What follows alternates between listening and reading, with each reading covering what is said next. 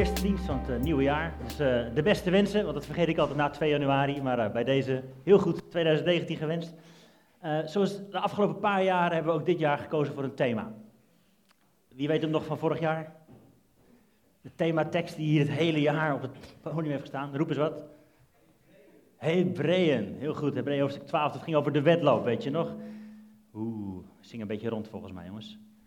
Uh, dat ging over de wedloop. En we hebben het hele jaar als een soort van kapstok gebruikt. We geloofden dat God dat gesproken had om ons te inspireren, om ons op weg te helpen, om ons te helpen om te trainen, om ons klaar te maken voor dat wat hij voor ons in het vooruitzicht heeft. Niet alleen later in de hemel, maar ook hier en nu. Dus dat ging over de wedloop. Het jaar daarvoor hadden we het over, oeh, iets langer geleden. Wat was dat ook alweer?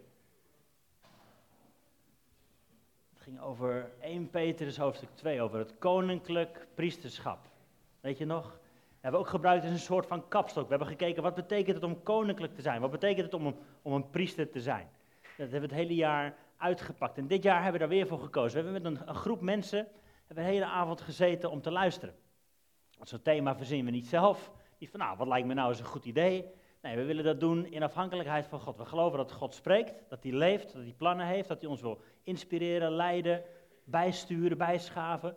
Dus het beste wat we kunnen doen is stil zijn en luisteren. Dus dat hebben we gedaan met een grote groep mensen.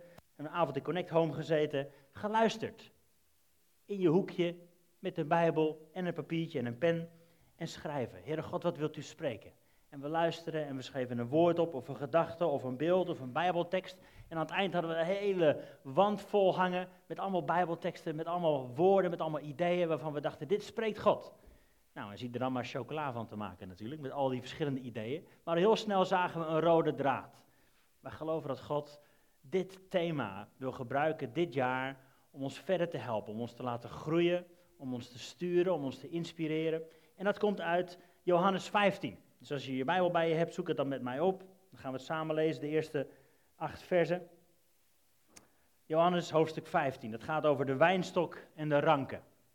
Je ziet het hier ook achter mij op de, beamer, of banners. Hebben wat vernieuwd.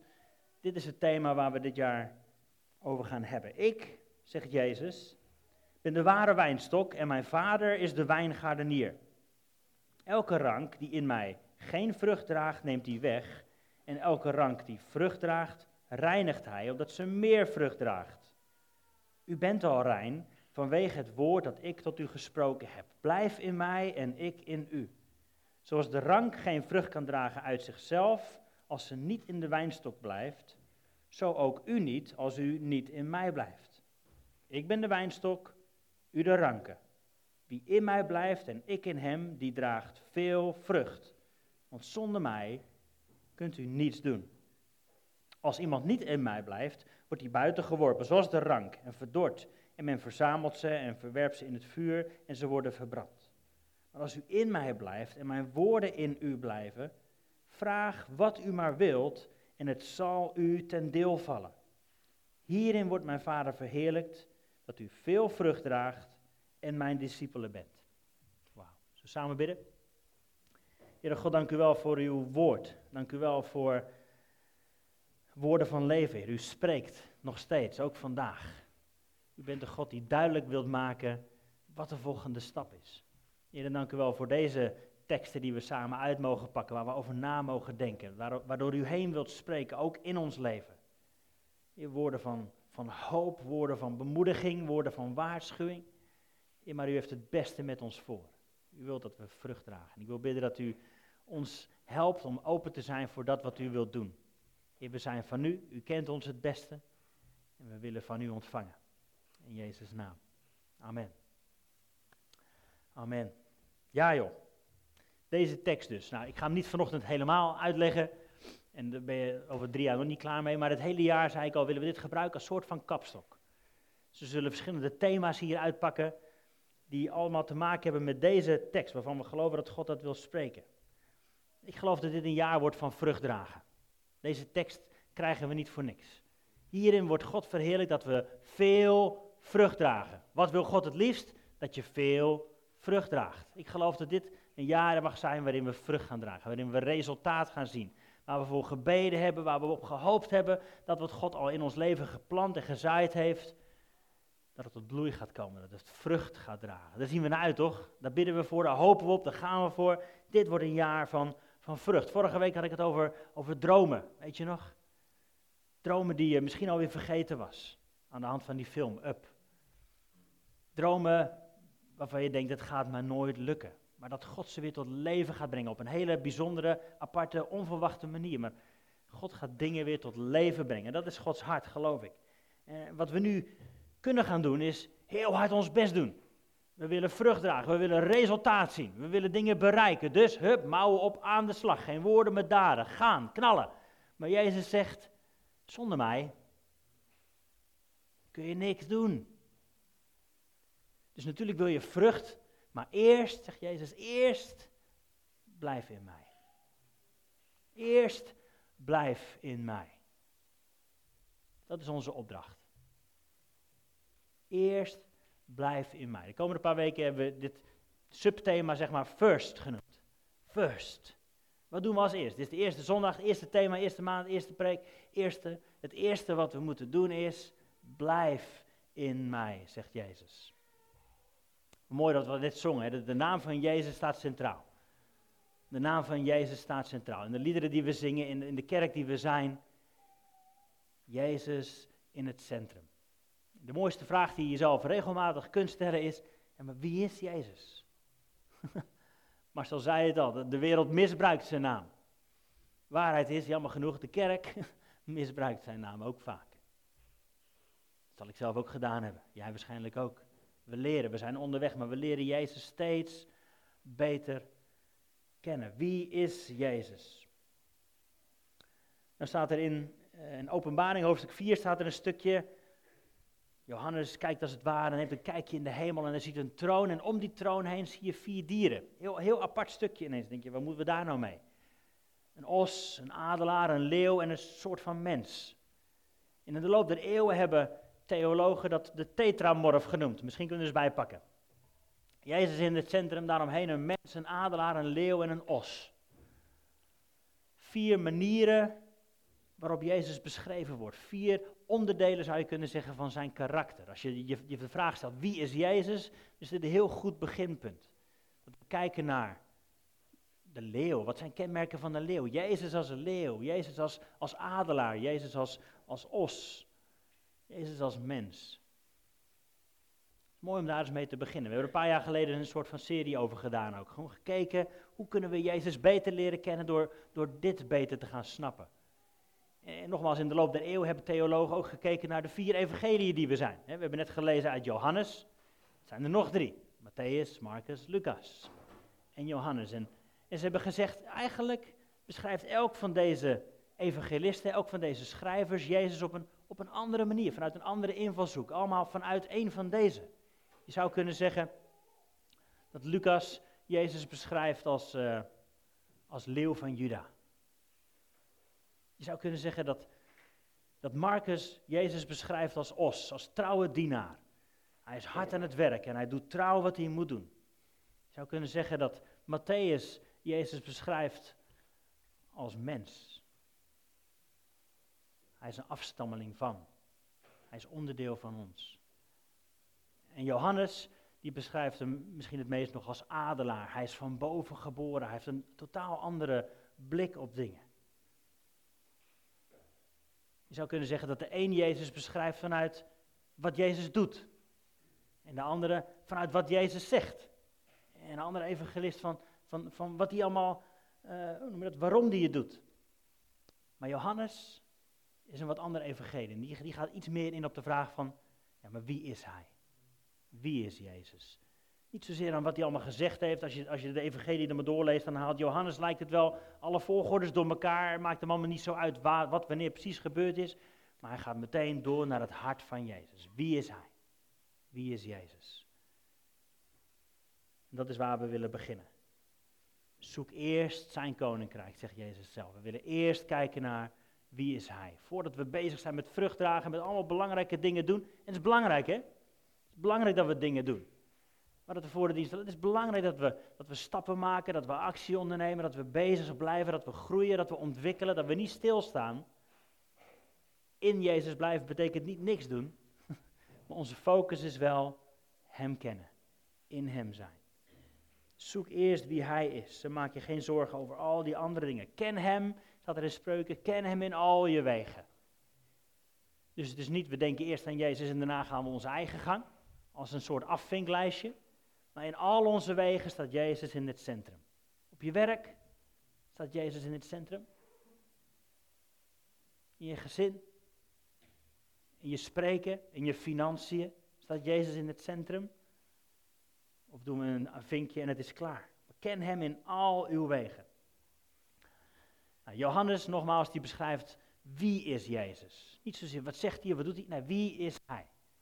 Dus daarom, we hebben net gelezen uit Johannes 15, dat gebruiken we ook als kapstok dit jaar, maar ik vind het ook leuk en mooi en goed om te lezen uit Johannes 1, want hoe begint hij dan?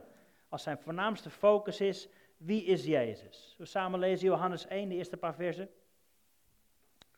Dit is wat Johannes belangrijk vindt. Zo begint hij. In het begin was het woord en het woord was bij God en het woord was God. Dit was in het begin bij God. Alle dingen zijn door het woord gemaakt. En zonder dit woord is geen ding gemaakt dat gemaakt is. In het woord was het leven en het leven was het licht van de mensen.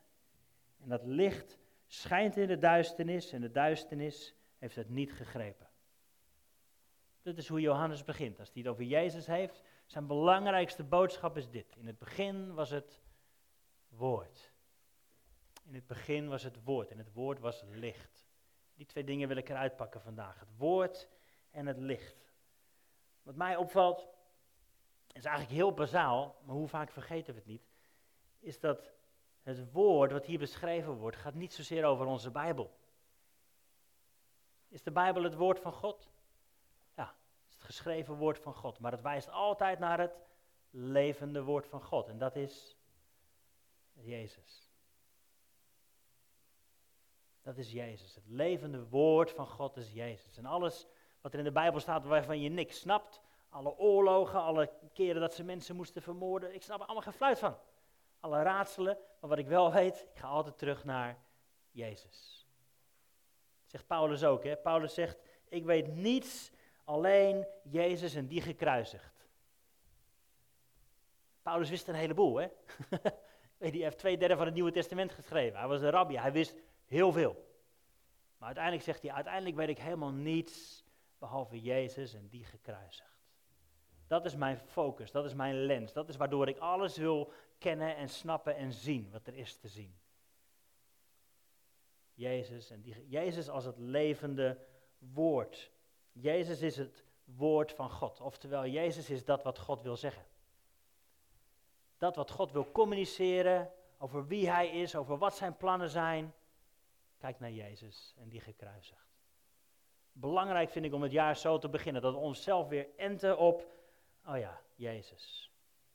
Je kunt hier zitten en je, en je snap ik dat je, dat je nieuwe informatie wilt, nieuwe informatie, nieuwe dingetjes wil weten, nieuwe dingen wil snappen. is allemaal mooi en leuk en goed en belangrijk, maar uiteindelijk begint het bij Jezus.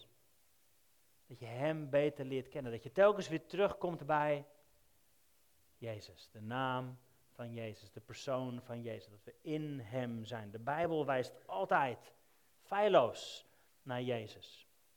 Soms op manieren die we niet in eerste instantie snappen, maar wijst altijd naar Jezus. Het woord beschrijft Gods realiteit tegenover onze waarheid. Staat bijvoorbeeld hè, in de Bijbel, de hele aarde is vol van de heerlijkheid van God. Staat in de Bijbel. Kijk eens om je heen. Wat zie je dan? zien we dat de hele aarde vol is van de heerlijkheid van God? Ah, niet altijd. Dat is wel Gods realiteit, dat is Gods woord, dit is wat God zegt. Als we vanuit zijn perspectief kijken, misschien net zoals Johannes vanuit die adelaar van bovenaf kijken, dan zien we de hele aarde is vol van de heerlijkheid van God. Gods koninkrijk breekt de baan met kracht. De poorten van de hel kon dit niet tegenhouden. Dat is hoe God het beschrijft. We willen leren kijken vanuit Gods woord. Het woord gaat over Gods beloften. Het zijn altijd ja en amen. Hoe gaan we daarmee om? Met Gods beloften. Was een stuk te lezen en dat was heel herkenbaar. Dat ging over bidden. Soms kun je God een beetje manipuleren in je, in je gebeden. Hè? Dat je precies God voorschrijft wat hij moet doen. Dan komt het allemaal wel goed. God, wel eens geprobeerd, herkenbaar. God, als u dit en dat en dat wil doen, amen. Soms gebeuren die dingen niet. Heel vaak gebeuren die dingen. Zeker niet op die manier. Maar dan kun je schieten naar de andere kant en zeggen: Ja, het heeft geen zin om te bidden. Dan word je een beetje cynisch en koud van. Maar Gods beloften zijn nog steeds waar. Mooi, wat er net stond in Johannes 15. Alles wat je vraagt. Als u in mij blijft en in mijn woorden, mijn woorden in u blijven. Dat is een mooie. Als u in mij blijft en mijn woorden in u blijven, vraag wat u maar wilt. En het zal u ten deel vallen. Dus de als is hier mijn woord. Als mijn woord in je blijft. Gods belofte. En Gods woorden hebben kracht. Er vaker over gehad, maar goed om je telkens weer over bij stil te staan. Jouw woorden hebben kracht. Net zoals Gods woord kracht heeft. Jij en ik zijn gemaakt naar zijn beeld. Woorden hebben kracht, hebben invloed. De dood of leven is in de kracht van de tong, staat er in de Bijbel. Hoe gaan we daarmee om? De woorden die je over iemand anders uitspreekt, over een situatie uitspreekt, over jezelf uitspreekt. Sluiten onze woorden aan bij Gods woorden? Woorden van hoop, woorden van leven. Ik weet niet of je hem gelezen hebt, er is uh, sinds volgens mij gisteren, eergisteren, een Nashville-verklaring. Van gehoord? Nashville-verklaring, een heleboel hoge christelijke houten methoden hebben dat ondertekend. ondertekend. Het gaat over de plek van, van homo's, onder andere, in, in, de, in de kerk. En er wordt vooral in beschreven wie er allemaal buiten is. Wie er allemaal buiten staan. Gods woord zegt dit. Zo kun je heel makkelijk mensen vermoorden met je Bijbel, weet je dat? Als je kijkt naar Jezus, dan schrik je van wie die allemaal binnenlaat. dat is wie hij is. Daarom komen we telkens weer terug bij Jezus. De letter kan doodmaken, maar Gods geest geeft leven. Amen. Dus kracht en leven in Gods woord. Dat is wie Jezus is. Telkens weer terugkomen bij het woord van God. Maar lezen we net, het woord was ook het licht. In het woord was het leven, staat er in Johannes 1. En het leven was het licht van de mensen. En het licht schijnt in de duisternis. En de duisternis heeft het niet gegrepen. De duisternis kan het niet vasthouden. Is wat we net uitzongen. Your name is a light that the shadows can't deny. Het is licht. Ik vind het wel mooi dat Johannes op deze manier begint. Want dit, dit doet natuurlijk heel erg denken aan Genesis 1. In het begin was, enzovoort. Dat gaan we samen ook lezen. Want hier wordt heel duidelijk verwezen naar Genesis 1. En als we het dan toch hebben over first, over het eerst, dan is Genesis altijd een goed startpunt. Dit is waar het allemaal begint. Jezus als het woord, Jezus als het licht. Nou, dat begint hier. In het begin staat er, schiep God de hemel en de aarde en de aarde was woest en leeg en duisternis lag over de watervloed en de geest van God zweefde boven het water. En God zei, laat er licht zijn. En er was licht. God zag dat het licht goed was en hij maakte scheiding tussen het licht en de duisternis. Eventjes tot daar. God, die spreekt met zijn woord en het verschijnt. Nogmaals, woorden hebben kracht, scheppingskracht. Dat wat er eerst nog niet was, wordt door woorden gemaakt en nu is het er wel. Jouw woorden hebben scheppingskracht. Belangrijk om in te denken. Laat er licht zijn, zo begint het allemaal. Laat er licht zijn. Het was nog niet eens de zon, hè? de zon komt later pas. Ook wel grappig om erover na te denken. Hoe zit dat dan ook weer precies? Laat er licht zijn. En wat me opviel, God maakte scheiding tussen het licht en de duisternis. Scheiding tussen licht en duisternis. Helemaal in het begin. Laat er licht zijn. En dat was scheiding tussen licht en duisternis. Hoe het bij jou begin met Jezus? Jouw wandel met God? dat God in je leven uitriep, laat er licht zijn. Kwam er ook zo'n scheiding tussen licht en duisternis? Tussen, tussen leven en dood? Dat is hoe het allemaal begint. Dat is hoe het allemaal begint. Het is goed om weer bij terug te komen. Daarom is die doop ook zo belangrijk. Je sterft aan je oude leven en je staat op in een nieuw leven. Er is scheiding tussen licht en duisternis. Pas waren Heidi en ik een paar uurtjes aan het wandelen en toen kwamen we dit bordje tegen. Misschien kunt u laten zien. Ja. Je dat eens gezien van die blauwe stippen op bomen? Kids, dat gezien? Loop je in het bos en denk je, waarom blauw, waarom rood, wat is dit? Nou, hier wordt het uitgelegd. In het bos wordt gewerkt aan de toekomst. De rode stippen markeren de bomen die ruimte gaan geven voor de blijvende bomen en de andere planten en struiken. Mooi verwoord, hè? Die rode bomen moeten weg, maar dat staat er niet. Ze, gaan, ze moeten ruimte geven aan blijvende bomen. De rode stippen markeren de bomen die ruimte gaan geven aan dat wat blijft. Mooi, hè? Deze zogenaamde dunningsbomen, die hebben de rode stippen, worden met zorg geselecteerd door de. Ha, wist ik helemaal niet. Dat wel leuk. Worden met zorg geselecteerd door de blesser. Nou, blessen is in het Engels natuurlijk zegenen. Hè? Dus de zegener. blessen is het markeren van bomen die geveld moeten worden. Is ook leuk om Gods zegen zo te zien. Is het markeren van bomen die geveld moeten worden. Is belangrijk voor de kwaliteit en de ontwikkeling van het bos scheiden tussen licht en duisternis. Tussen dat wat niet blijft en dat wat wel blijft. Ik geloof dat jij en ik een heleboel bomen met rode stippies in ons leven hebben. En God wil komen om te zegenen. En hoe ziet dat er dan uit?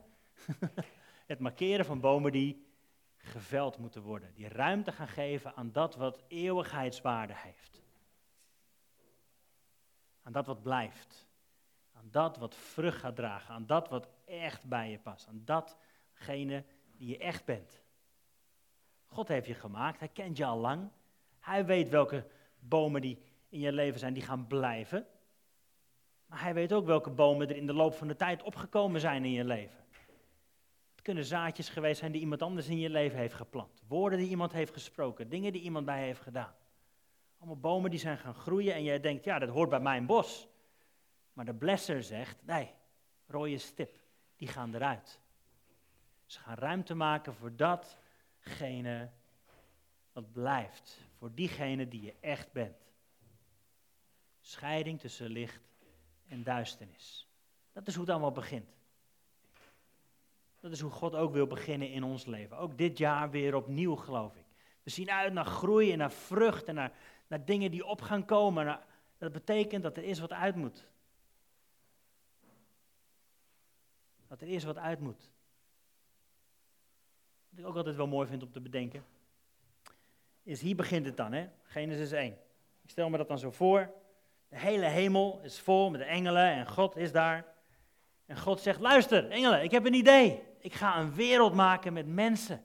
En dieren, en bomen, en planten, en leven, en water, en overvloed, en groei. Alle engelen, fantastisch. Wauw, wat een idee. Super gaaf. Iedereen het helemaal klaar. Ga morgen beginnen. Mooi, mooi, morgen gaan we beginnen.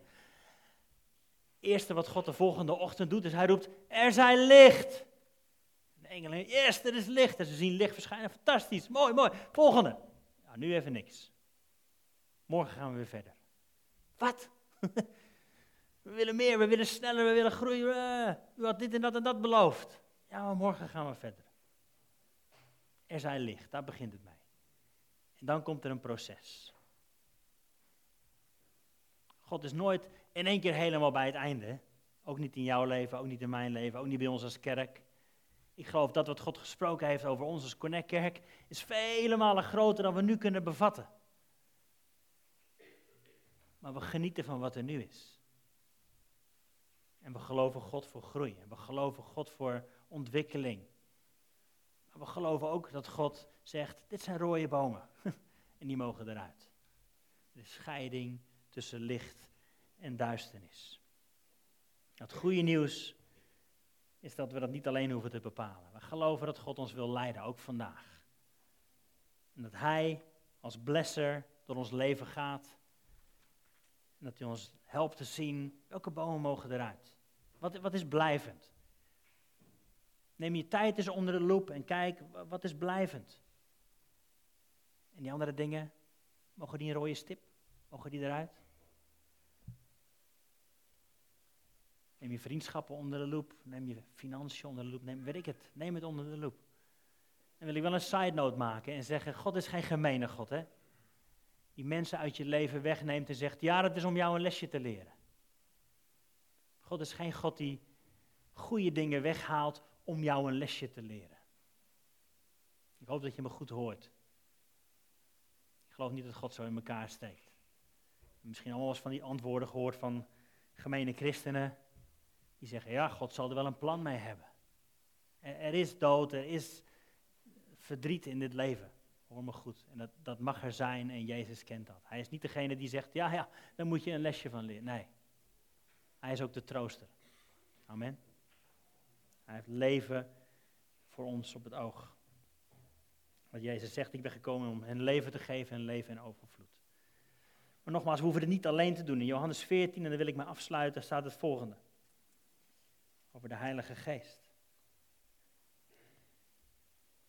Als u mij lief hebt, neem dan mijn geboden in acht, zegt Jezus. En ik zal de Vader bidden en hij zal u een andere trooster geven, opdat hij bij u blijft tot in eeuwigheid. Namelijk de geest van de waarheid, die de wereld niet kan ontvangen, want ze ziet hem niet en kent hem niet, maar u kent hem. Want hij blijft bij u en hij zal in u zijn. Verderop nog een keer in vers 26, maar de trooster, de Heilige Geest, die de Vader zal zenden in mijn naam, die zal u alles onderwijzen en u in herinnering brengen alles wat ik u gezegd heb. Vrede laat ik u, mijn vrede geef ik u. Niet zoals de wereld die geeft, geef ik die u. Laat uw hart niet in beroering raken en wees niet bevreesd. Dat is de Heilige Geest die in ons leven wil komen. Een scheiding zal maken tussen licht en duisternis, die ons zal helpen om stappen te zetten, maar die ons ook helpt om in Jezus te blijven, in het woord te blijven, in het licht te blijven. Dat is onze taak voor nu. Als we dat doen, dan komt groei en vrucht vanzelf. Maar blijf in Jezus. We gaan straks tijd nemen om, mensen te zalven met olie. Olie als beeld van de Heilige Geest. Komt in de Bijbel heel vaak voor. Als teken over je leven. De Heilige Geest is met je, Hij is in je, Hij is op je, Hij zal je leiden, Hij zal je niet alleen laten. Wees niet bevreesd. Vrede voor jou. Dus ik zou willen vragen of de gebedsteams naar voren willen komen. Misschien kan de muziek wat meespelen. En is daar een uitnodiging voor jou. En ik zou het je willen aanraden. Kom naar voren. Dit is ook voor kinderen trouwens. De kinderen van groep 1 tot 4 komen hier straks weer naartoe. Als je kinderen bij de peuters hebt, mag je ze zelf eventjes halen. Waardevol, ook jullie daar achterin. Tof als je naar voren komt om je te laten zalven. Als teken van, dit jaar begin ik samen met God. Ik ga niet mijn eigen stappen zomaar zetten, ik wil me laten leiden door de Heilige Geest. Ik hoef niet in eigen kracht allemaal vrucht te dragen. Ik wil in Jezus zijn. En als teken daarvan een klein beetje olie op je hoofd. En willen we kort voor je bidden, willen we je zegenen met de aanwezigheid van de Heilige Geest in je leven voor dit jaar. Dus als je je kinderen wilt halen, voel je vrij om wat nu te doen. Zullen wij gaan staan? Zal ik kort samen bidden en dan gaan we zo zalven. Heer Jezus, dank u wel dat u het woord bent. Het woord dat leven in zich heeft. Het woord dat u ook vandaag nog spreekt en bent. Dank u wel dat u het licht bent. Dat u gekomen bent om te schijnen in onze duisternis en dat u scheiding maakt in ons leven tussen dat wat niet meer hoeft te blijven, wat we af mogen leggen en dat wat we mogen omarmen als wat eeuwig is. Zoals u ons echt gemaakt heeft. We willen eerst bij u komen, Heer. We willen niet eerst druk zijn met van alles en nog wat. We willen eerst, eerst bij u zijn. Net zoals David het zegt, één, één ding verlang ik. Eén ding verlang ik om bij u te zijn. Ik heb een to-do-lijst van hier tot morgen. Maar één ding. Bij u zijn. Ik wil het niet alleen doen. De Heilige Geest wil u uitnodigen hier in deze ruimte. Hier zijn we samen met onze hele groep mensen, met kinderen, met volwassenen, alles door elkaar. We willen zeggen, we hebben u nodig, Heer. We willen leven in uw kracht, niet in onze eigen kracht. Bidden dat als we zo tijd nemen om mensen te zalven, dat uw leven zal stromen. Dat als het ware dingen los zal maken, in beweging zal zetten. Dat we weer terug mogen komen bij Jezus. Bij zijn leven, bij zijn liefde, bij zijn waarheid, bij zijn genade.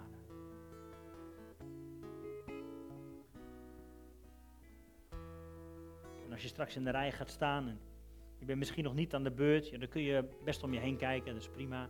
Maar richt je op Jezus. Jezus, wat wilt u spreken vandaag? Wat, wat vindt u belangrijk vandaag in mijn leven? Welke belofte mag ik me weer aan vasthouden? En welke woorden die niet van u waren, mag ik loslaten? En als het ware onze leven opnieuw met open handen voor u leggen en zeggen, Heer, het is van u, het is voor u, door u, tot u. Heer, het is uw verlangen dat we veel vrucht dragen. En dat willen we doen. Nou, we hebben u nodig, want zonder u kunnen we niets.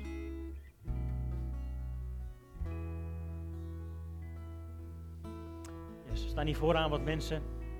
Keuze genoeg. Dus ik zou willen zeggen, kom naar voren alsjeblieft. Dan zullen ze kort voor je bidden. Misschien zullen ze vragen of ze wat handen op je mogen leggen om je te zegenen, om te salven. Ja, kom naar voren in de sfeer van aanbidding.